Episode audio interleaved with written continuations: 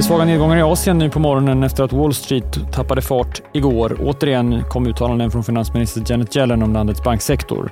Stockholmsbörsen ser ut att backa vid öppning. Jag heter Alexander Klar och du lyssnar på Din Morgonkoll det är måttliga nedgångar för flera index i Asien. Tokyobörsen är ner 0,2 procent efter att landets inflation som väntat föll tillbaka i februari och sjönk från 4,2 till 3,1 procent. Det här är första gången på ett år som uppåttrenden bryts. Landets centralbank har ju upprepat att man behöver fortsätta med sin väldigt expansiva penningpolitik för att inflationen inte ska falla för långt under centralbankens långsiktiga mål. Vi har också fått inköpschefsindex från Japan. PMI för industrin steg som väntat något till 48,6 medan tjänstesektorn kom in över 54, vilket är fortsatt starkt. Och idag handlar mycket om inköpschefsindex från flera delar av världen och jag återkommer dit lite senare. Hongkongbörsen är ner knappt en halv procent och ser ut att stänga veckan uppåt. Det skulle i sådana fall vara för andra veckan i rad, första gången sedan i början av året. I Fastlandskina så går börserna åt olika håll. Och bytte håll gjorde börserna på Wall Street igår. Efter en stark inledning för börserna så föll de tillbaks. Bankaktier hade det återigen tufft efter att finansminister Janet Yellen var tillbaka i kongressen och sa bland annat att Vita huset är redo att vidta ytterligare åtgärder vid behov för att stabilisera banksystemet. Det är möjligtvis en liten annan formulering än vad hon sa i onsdagens utfrågning då Yellen sa att regeringen inte har några planer till nya garantier utan att först få kongressens godkännande. Wall Street studsade upp i sluthandeln, stängde svagt uppåt men ner ganska mycket jämfört med stängningen i Stockholm tidigare under kvällen. Teknik gick något bättre och Nasdaq stängde upp 1% det har varit mycket varsel inom just techsektorn. Nu meddelar techkonsultbolaget Accenture att man gör sig av med närmare 20 000 anställda världen över, vilket är den största nedskärningen i konsultbranschen enligt Financial Times. Konkurrenterna McKinsey och KPMG kom med uppsägningsbesked förra månaden. Sverige så. Fastighetsbolaget Cibus, som så sent som igår avskilde sin månatliga utdelning, meddelade efter stängning att man gör en riktad emission. Fastighetsbolaget tar in 810 miljoner kronor, mer än man först sa och den görs på kursen 92 kronor, vilket är en rabatt på 10 procent som innebär en utspädning på 15 procent. Bolagets VD är med i Börsmorgon senare idag. På tal om utmaningar för bland annat fastighetsbolag i den nya räntemiljön så spår nu SBAB att Riksbanken kan sänka räntan redan i höst. Men har du också valt att bli egen? Då är det viktigt att skaffa en bra företagsförsäkring. Hos oss är alla småföretag stora och inga frågor för små. Swedeas företagsförsäkring är anpassad för mindre företag och täcker även sånt som din hemförsäkring inte täcker. Gå in på swedea.se företag och jämför själv.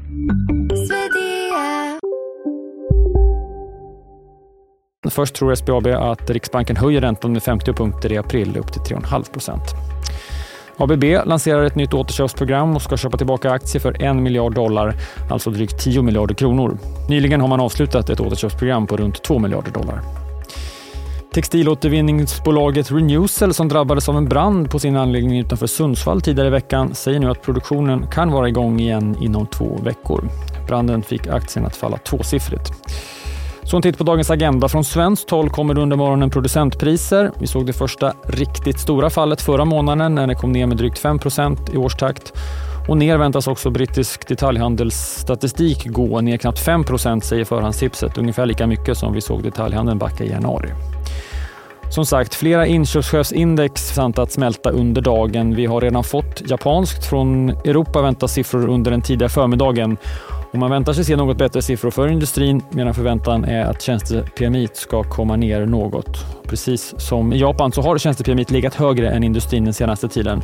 Som exempel kan nämnas tyskt och franskt industriindex som väntas stiga något men fortsatt befinna sig under 50 medan tjänstesektorn kommer ner något men stannar förhoppningsvis då ovanför 50. Och ett indextal över 50 indikerar ju tillväxt medan ett indextal under innebär en nedgång. I USA väntas PMI för industrin komma in vid 47 medan tjänstesektorn ska komma in på 50,5. Det amerikanska utfallet kommer klockan halv tre och då talar även Fed-ledamoten James Bullard. Tidigare i veckan så fick ju Fed-chefen Jerome Powell marknaden att backa under sin pressträff efter räntebeskedet då Fed höjde räntan med 25 punkter. Missa inte det och missa inte heller ett nytt avsnitt av Makrorådet som släpptes tidigare i veckan. Den här veckan har ju handlat mycket om räntehöjningar, bankoro och i veckans avsnitt så utvärderar Nordeas Annika Winst och SEBs Johan Javeus hanteringen av Silicon Valley Bank och Credit Suisse. Dessutom fördjupar man sig i Coco Bonds. Ni hittar avsnittet i poddspelaren eller på sajten di.se. Och där sänds ju också Börsmorgon med start kvart i nio. Idag med bankfokus och teknisk analys med gästerna Andreas Håkansson och Nils Broback och sen en hel del fastigheter då. Eller vill du att lyssna på på programmet som podd efteråt. Det släpps klockan 11. Och följ alla våra format så missar ni inga uppdateringar. I Morgonkoll är tillbaka igen på måndag. Jag heter Alexander Klar.